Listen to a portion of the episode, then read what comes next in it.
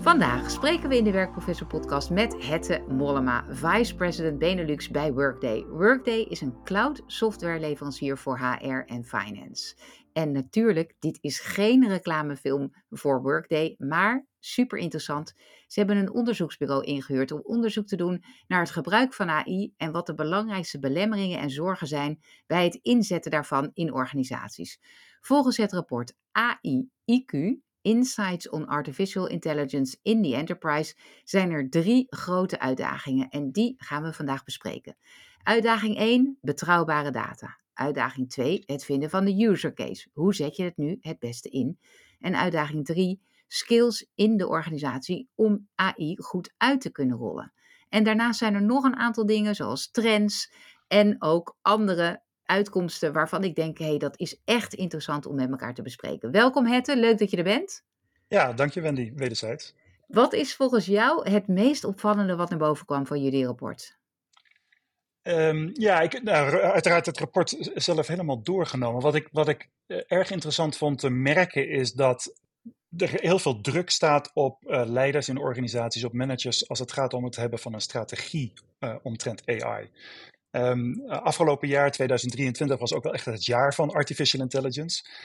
En, en het, het, het, het hebben van een strategie ontbreekt bij heel veel organisaties. Ja, en ook het gevoel van, oh ja, anderen hebben het wel en ik niet. En, uh, Precies, hebben, fear of missing out. Ben, ben, ik laat met het hebben van een strategie of niet? Nou, misschien is de goede uitkomst wel, uh, ik denk dat een heleboel um, managers en, en leiders in organisaties niet te laat zijn. Maar dat het wel tijd wordt om een strategie te vormen we hebben een onderzoek laten doen naar um, wat zijn nou de oorzaken hiervan. En daar, jij noemde een aantal dingen, daar zitten een aantal grote uitdagingen in. Als het gaat om uh, het gebruik van data, als het, gebruik, uh, als het gaat om welke use cases passen we nu toe. Um, en uh, hoe gaan we om met het gebrek aan skills in een organisatie? Ja, ik vond het wel aardig dat ik, ik ben zelf een, via Coursera een cursus aan het volgen dat heet AI for Everyone van Andrew NG. Ik weet niet, zo spreek je het natuurlijk niet uit, want ik spel dan zijn achternaam, maar ik weet niet hoe je uitspreekt.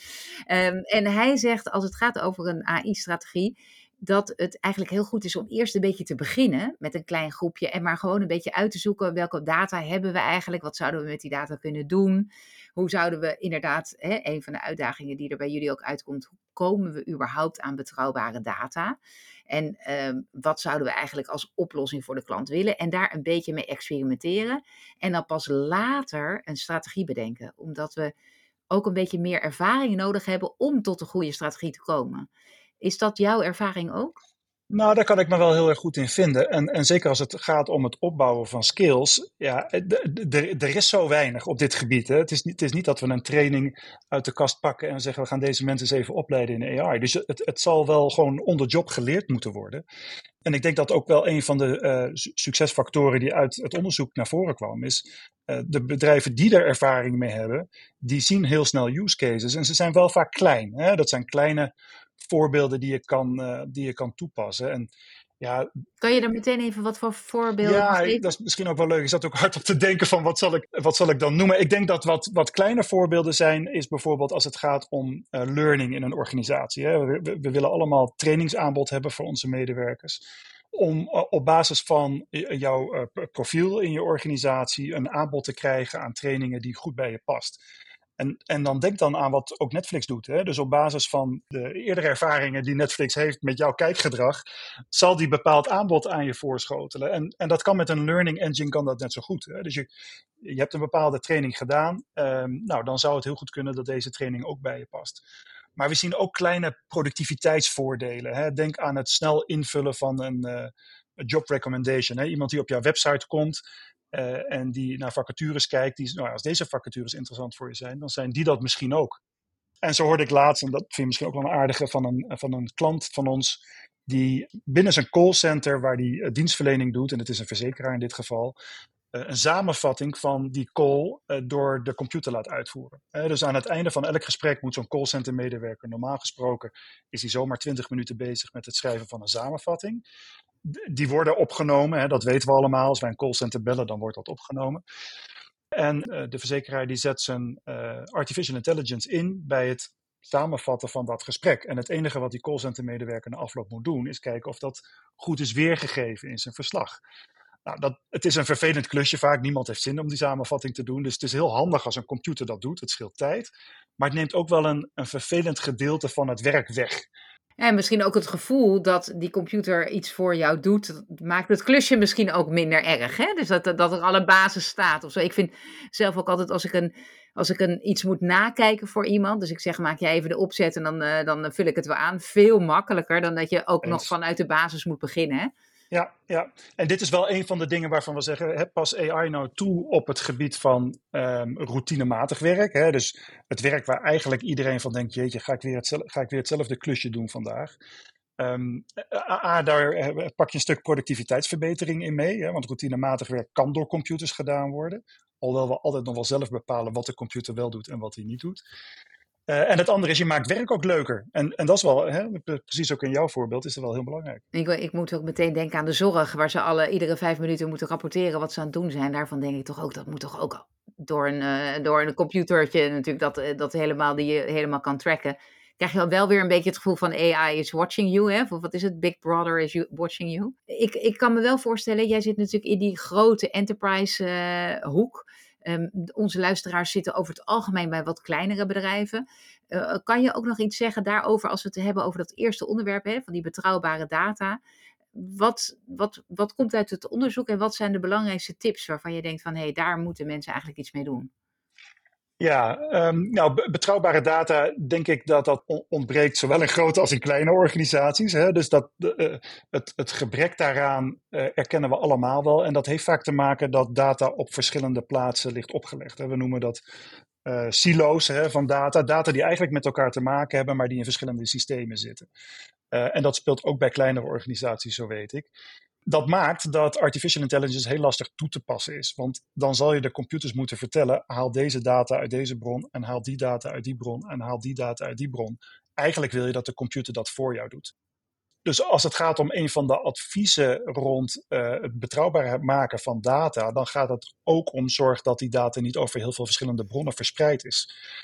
Ja, dus dat, dat noemen we dan een soort data lake, hè? of een data meer, zodat we één plek hebben waar die data te vinden is, zodat uh, de, de, de, computer daar zelf. Zorg dat het niet versnipperd is, of dat, of dat het op meerdere manieren te interpreteren is. Want dat gebeurt natuurlijk ook vaak. Als data niet een, eenduidig te interpreteren is, dan kan de computer er al helemaal niks betrouwbaars van maken. Nee, dat klopt. Um, als, je, eh, als je kijkt naar HR-professionals, want jullie onderzoek richt zich met name op HR en finance. Um, het, het, blijkt ook dat HR altijd een beetje achterloopt met dit soort dingen. Uh, dat komt ook omdat wij, ik noem mezelf ook even HR nu, uh, wij natuurlijk veel meer geïnteresseerd zijn in de mens en in het menselijke gesprek en minder hebben over, over het algemeen met technologie. Uh, dat vind ik trouwens zelf wel ontzettend interessant, hoe we kunnen zorgen dat technologie juist doet waar technologie goed in is. Hè? Waar, dat de computer doet wat de computer goed kan. En dat de mens doet wat de mens goed kan. Um, maar hoe zouden wij als HR-professionals makkelijker met die data of een idee kunnen krijgen? Hoe zouden we ons moeten opleiden? Waar zouden we mee bezig moeten zijn om daar beter gevoel voor te krijgen? Ja, het, is een, een, interessante, want inderdaad bleek uit het rapport dat finance en IT vaker al geëxperimenteerd heeft met AI ehm, en dat dat bij uh, eh, HR iets achterloopt. Uh, en misschien wel door wat jij net schetst, hè, wij vertrouwen de mens meer dan de computer. Um, wat ik overigens wel een interessante vind hoor, want ik, ik, um, ik vertrouw inmiddels computers meer dan mensen. En als het gaat om biased gedrag, dan denk ik dat mensen veel vaker biased zijn dan computers dat zijn. En ik gebruik wel eens het voorbeeld, um, uh, als je straks naar buiten loopt en ik vertel je dat je niet naar rode auto's moet kijken, dan zie je alleen nog maar rode auto's. Terwijl ik, als ik dit aan een computer vertel, dan weet ik zeker dat hij niet naar rode auto's gaat kijken. Dus in die zin is een computer misschien wel beter te instrueren dan een mens. Ehm, maar de ervaringsgraad is laag, zoals je zegt. Hè? Dus HR heeft weinig ervaring, heeft weinig skills, ook als het gaat om gebruik van AI. En eigenlijk is daar maar op één manier, denk ik, aan, uh, om dat, is er maar één manier om dat te doorbreken. En dat is door ermee aan de gang te gaan. Door kleine voorbeelden, hè, zoals we dat in het begin ook al schetsten, kleine uh, praktijkvoorbeelden uh, te gebruiken, maar ook die te communiceren naar je organisatie. Dus te laten zien aan je organisatie wat je hebt gedaan met data. Eh, en, en ook laten zien wat dat voor een productiviteitsverbetering behaalt of hoe het werk leuker maakt. veel, veel van de terughoudendheid zit hem nog wel in dat we en zeker bij medewerkers, nog meer dan bij managers, dat we allemaal een beetje bang zijn dat die computer voor ons dingen gaat doen die we niet willen. Um, en ik denk door erover te praten, door te laten zien wat je met data doet. Overigens helpt um, regelgeving hier ons ook een hele end, denk ik. Uh, in december is er de EU eh, AI Act, ook zo'n mooie lettercombinatie aangenomen. En daar wordt binnenkort ook gepubliceerd wat we, wat we nu precies uh, op het basis van, van wet en regelgeving gaan doen met betrekking tot AI ik denk dat het ons allemaal helpt straks om data en computers meer te gaan vertrouwen. Want er is gewoon heel veel wantrouwen. En met name vanuit de hoek van human resources. Ja, terwijl inderdaad, precies wat je zegt, uh, de vraag is of de computer minder betrouwbaar is dan de mensen die uh, makkelijker fouten maakt. Ook zelfs met het delen van data op plekken waar je het helemaal niet mag delen. Hè. Dus ik denk dat iedere HR-professional of zelf of iemand kent die ooit een keer ergens salaris heeft gepubliceerd op een plek waar het niet moest. Hè? Wie heeft dat niet meegemaakt? Ooit ergens in je carrière over het komt dat je, dat je de verkeerde brief naar iemand stuurt of, of, of, een, eh, of zelfs een hele sheet met alle salarissen van alle managementteamleden in één keer opstuurt naar iemand. Uh, en dat zal de computer in die zin niet zo snel uh, doen. Als, als, als ik kijk naar wat gebeurt er nu in het vinden van die user cases? Hè? Want je zei ook begin gewoon, doe wat, ga, ga iets doen. Uh, je hebt er al een aantal genoemd, maar waar zie jij de grootste slag? Hè? Want we zien veel professionals, als ze ontevreden zijn over het werk, gaat het vaak over die repeterende taken. En die kunnen we heel goed aan artificial intelligence of andere hè, machine learning overlaten. Ehm, ik denk dat het ook belangrijk is dat mensen gewoon echt heel veel verschillende voorbeelden horen, waardoor ze geïnspireerd kunnen raken. Kun je ons nog eens even meenemen in wat jullie doen of wat jij ziet? Van daar zit echt het grote effect. Ja, wij, wij hebben een heel, heel aantal kleine, en ik, ik ga ze niet allemaal doornemen hoor, maar dan heb je een beetje een idee, een aantal voorbeelden van dingen die A, werk leuker maken, maar die ook productiviteitsverbeteringen. Dat is echt iets uh, als je breder nadenkt over, uh, over de arbeidsmarkt, maar ook over de toekomstige arbeidsmarkt, waar denk ik veel druk ook komend jaar op komt te staan. Uh, dus hoe zorgen we nou dat we als organisatie met onze schaarse mensen, hè, mensen is een schaars goed op dit moment, dat we daar het meeste uithalen. En dan, dan is het wegnemen van die routinematige taken, denk ik, een grote prioriteit. Maar het gaat hem ook om, als voorbeeldje, want daar vroeg je om, om, uh, om fraudedetectie. Hè? En, en denk aan uh, declaraties die uh, medewerkers doen op maandbasis. Wij hebben al wat langere tijd in onze software een, een, een detectie op het moment dat je een declaratie twee keer zou invoeren. Hè? Je doet dat in, in november, maar je doet dat in december nog een keer de computer die, die weet feilloos te, uh, jou te melden dat je op een vergelijkbare declaratie al een maand eerder gedaan op basis van bedrag of op basis van waar je dat hebt gedaan. Um, dat, is, dat is nagenoeg niet te doen vanuit, vanuit mensen. Hè. Mensen kunnen dat soort fraudedetectie niet doen. Terwijl computers dat veel makkelijker kunnen en, doen. En dat komt ook voor. Ik denk meteen van, joh, dat, dat, komt toch helemaal niet voor dat mensen dat twee keer doen. Maar, ik, ja. ik, ga, ik, ga, ik ga uit van het goede in de mens. Maar ik denk, eh, ik, het komt wel voor. Het komt zelfs bij mij voor. Um, en dat, dat is gewoon per ongeluk. Hè. Je, hebt, je hebt die bonnetjes liggen en uh, ja, ja, je vergeet wel eens op welk stapeltje dat bonnetje ook alweer lag. Ja, ja, ja. En of je het al had ingediend of niet. En of je hem al had ingediend of niet. En, en ja, dat, dat, dat zijn maar kleine voorbeelden waar de computer echt wel een grote rol kan spelen. Zeker als je over grotere organisaties praat, dan praat je ook over grote bedragen direct. Precies, maar daarvan denk ik dan, oké, ik gebruik bijvoorbeeld een app dat heet Declare, maar welke je dan ook gebruikt, nou daar vul ik hem in, dan moet eigenlijk zo'n bedrijf moet dit in zijn software gaan inbouwen. Klopt. Toch? Klopt. Uh, ja. dat, dat ga ik niet als individu zelf doen of in mijn bedrijf zelf doen. Dan zeg ik gewoon: oké, bij de volgende keuze die ik maak voor een nieuwe leverancier van een declaratie-app, vind ik dat die fraudedetectie erin moet zitten. Trouwens, meteen wel een goede om dat op ons lijstje te gaan zetten. Zijn er nog meer dingen waarvan je denkt van hé, hey, daar zit het uh, in? Nou, ik weet, kijk, recruiters die schrijven, en dat is een ander voorbeeld, die schrijven op dagelijkse basis, schrijven zij uh, functieomschrijvingen hè, voor de vacatures die ze posten. En dat is echt niet altijd een copy en paste, want, want uh, uh, heel afhankelijk van waar die rol zit of in welk team die rol zit, zullen ze dat moeten aanpassen. Ja, daar, daar kan de computer kan daar veel sneller voor jou een functieomschrijving voor schrijven dan dat een recruiter dat kan. En daarnaast weet ik van recruiters eh, uit eigen hand dat ze dat een heel vervelend klusje vinden. Hè? Eh, wanneer ze een vacature moeten posten om iedere keer weer die functieomschrijving helemaal te moeten schrijven. Dus laat dat soort dingen door je computer doen. En daarnaast denk ik, en dat, gaat meer, dat is meer aan de rapportage-analyse kant, dat computers veel sneller patronen ontdekken, uh, veel sneller verbanden kunnen leggen tussen medewerkers waar de motivatie misschien een beetje uit is, die minder vaak zich melden voor surveys die hè, dat was in het verleden al, die verder van hun werk zijn gaan wonen. Dat is altijd zo'n indicator. Medewerkers die verder van hun werk gaan wonen. Zijn dat nou medewerkers waarvan we weten dat de kans groot is dat ze ook op zoek zijn naar een andere baan?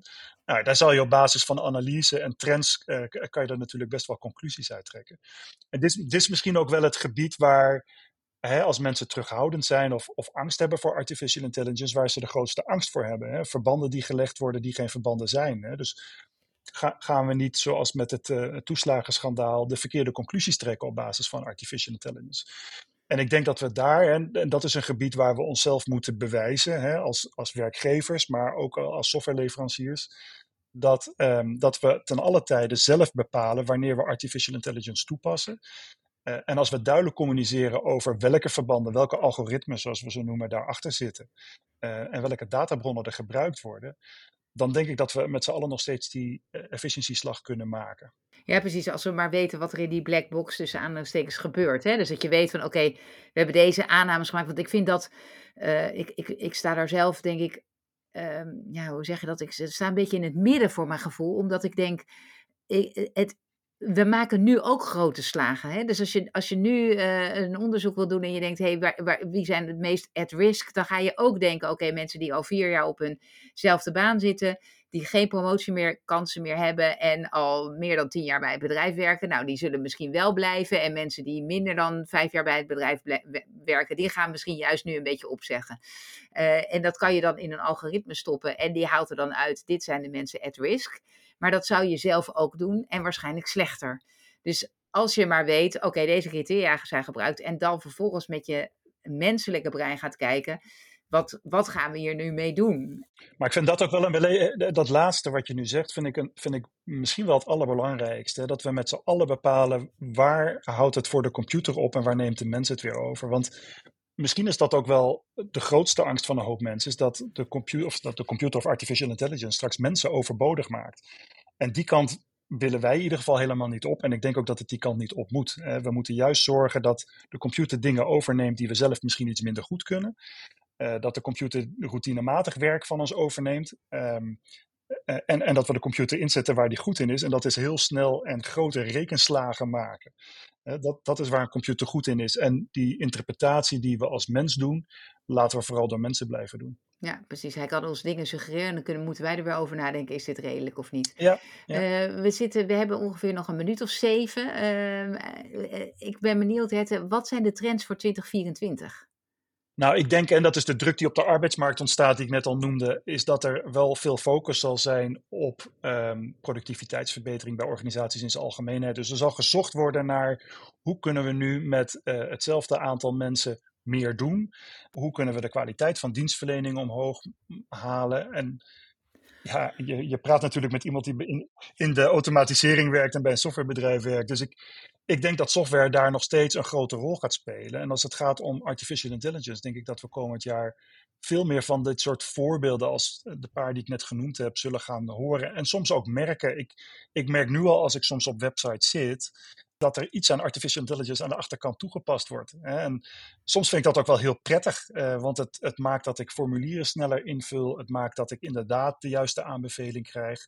Maar het maakt mij ook als manager. Hè, we hebben zelf een, een, een tool bijvoorbeeld die elke week surveyt bij onze medewerkers. Die stelt elke vrijdag vijf vragen aan medewerkers op allerlei gebieden hoor. Maar daar komt wel ook een bepaalde trend en een bepaald uh, thema naar voren, wat kennelijk bij medewerkers een zorg is. Maar het, ik krijg ook gelijk het advies om ergens mijn aandacht op te vestigen of een bepaalde training te volgen of om met managers te gaan praten bij wie dit eh, misschien het geval was en bij wie het verholpen is of die juist weer andere uitdagingen hebben. Het is in die zin kunnen computers een hele grote rol spelen ook en ik denk dat ze dat komend jaar steeds meer gaan doen bij het samenbrengen van mensen en het, uh, het leren van elkaar. Ja. ja, ik vind die, die aanbevelingen. Ik, ik heb geïnvesteerd in een, uh, in een tool en die kon op basis van de communicatie die je met elkaar doet, geanonimiseerd zien wat de reacties eigenlijk is en het sentiment op dat moment in die organisatie. En uh, bijvoorbeeld, uh, stel dat je in een hele grote organisatie werkt en er komt een nieuwe CEO, wordt benoemd, dan kan je meteen eigenlijk zien wat is de reactie daarop in al die verschillende delen van de wereld. En we hebben daar eigenlijk gemerkt dat uh, heel veel CEO's dat eigenlijk niet willen weten. Dus ik dacht, dat is toch fantastisch als je dan ziet, hey, in Zuidoost-Azië zijn ze niet zo enthousiast over mijn benoeming. Nou, dat is mooi, want dan stap ik in het vliegtuig, dan ga ik daar naartoe en dan uh, ga ik proberen verbinding te maken of te zorgen dat dat waar hun zorgen zitten, dat ik, dat, uh, dat ik daar iets mee doe. En daarnaast uh, blijkt ook dat bij heel veel veiligheidsissues vaak een hoop kleine dingen misgaan. Dus niet zozeer grote dingen, grote red flags, maar vaak ja, een beetje oranje, maar dan vijf, zes, zeven oranje dingen, ja, die maken uiteindelijk ook een heel groot incident. En uh, dat haal je ook met dat soort uh, tooling er heel goed, haal je dat eruit. Uh, maar dat is toch moeilijk om soms managers ervan over te overtuigen dat het ze alleen maar gaat helpen om beter te worden. Is dat ook iets wat jij ziet in de praktijk of juist niet? Ja, wij staan natuurlijk zelf wel heel erg open voor adviezen die computers ons geven. Dus of ik nou heel representatief ben, weet ik niet. Maar ik, ik, moet je zeggen, mijn eigen ervaring is er wel heel goed mee. Hè? We stellen ook gewoon simpele vragen over: is ons beloningsbeleid transparant voor iedereen? En een vraag waarvan ja, ik soms uitging dat het wel heel transparant was, maar uit het onderzoek bleek dat dat helemaal niet zo transparant was. En dat betekent ook dat je soms als manager gewezen wordt op dingen waarvan je denkt dat je er heel goed in bent, maar wat misschien niet zo ervaren wordt. Ik vind het juist wel heel prettig om die spiegel af en toe voor te krijgen. Dus ik snap wel dat sommige mensen uh, denken, ja, dat zijn dingen waar ik mezelf liever niet aan blootstel, maar dat is eerder een zwakte dan een sterkte. En ik, ik, ik merk dat moderne managers vaak wel heel erg openstaan voor feedback um, vanuit dit soort surveys. En juist ook wel graag gewezen worden op dingen die anders gepercipieerd worden dan dat ze bedoeld hebben. Ja, precies, want dan kan je er ook op ingrijpen natuurlijk. Ja. Eh, die skills uh, om in de organisatie om AI goed uit te rollen, gaat dat dan ook over dat je uh, feedback van computers moet kunnen interpreteren. Dat je uh, juist uh, op, op, de, op de relationship skills het goed gaat doen. Maar vast ook nog een paar andere dingen die jullie hebben gevonden.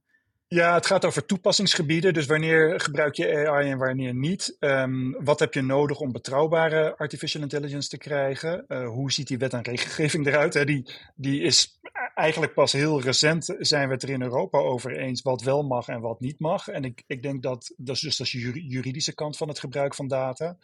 Um, dat het ook om dat soort skills gaat.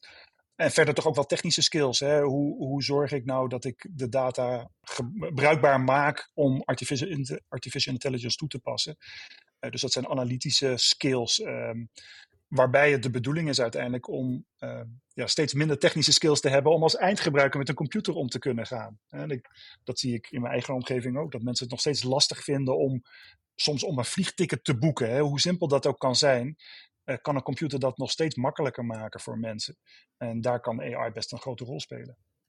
Ja, zeker, dat denk ik ook. En ook dat ze steeds beter worden om gewoon op basis van spraak, hè? van dit is mijn bedoeling. Uh, ik wil een spreadsheet waarin ik dit en dit kan zien en deze analyse eruit kan halen. En dat heet dat dan kan maken, is natuurlijk fantastisch. Ja, context. En, en daar zijn ook technische skills voor nodig. Hè? Dus dat een computer begrijpt in welke context jij een vraag stelt. Want daar gaat het vaak mis in als het gaat om conversaties. Een, een eenvoudige vraag stellen gaat vaak nog wel. Maar als je niet helemaal het juiste antwoord krijgt en zegt nee, ik bedoel niet dat, maar ik bedoel dat, dan moet hij je vorige vraag eigenlijk nog wel onthouden. Want dan kan hij de context ook plaatsen. Um, daar valt nog best wel wat te winnen. Maar da daar is wel, denk ik, afgelopen jaar de, de slag door, door ChatGPT bijvoorbeeld gemaakt. Hè. Die, die snapt al context. Die weet al uh, wat was je vorige vraag en kan daarmee verder in je vervolgvraag. Precies, ik vind het nog steeds zo leuk aan mezelf dat ik eh, ook de neiging heb om ChatGPT te bedanken als, als, als er een goed antwoord is gekomen. Terwijl ik denk, ja, het zal die computer nee, maar dat zijn. Maar, maar ook dat begrijpt hij. Maar ook dat begrijpt hij, daar geeft hij wel een leuk ja. antwoord op, ja. ja. Um, even over, over de manager, hè. We, hebben, we hebben nog twee minuutjes. Even over, wat, wat is een manier om draagvlak te krijgen, om meer met de AI te kunnen doen? Wat zou je daarvoor uh, suggereren? Ja, ik zou, ik zou uh, juist om dat vertrouwen ook van medewerkers te winnen en om ze te enthousiasmeren voor het gebruik van de AI, uh, veel over communiceren. En wij noemen het vaak show-tell. Dus uh, gebruik kleine verhalen over waar AI succesvol is toegepast. En dat hoeft dus niet in de eigen organisatie te zijn, maar vanuit hun omgeving. Gebruik dat soort voorbeelden om mensen te enthousiasmeren.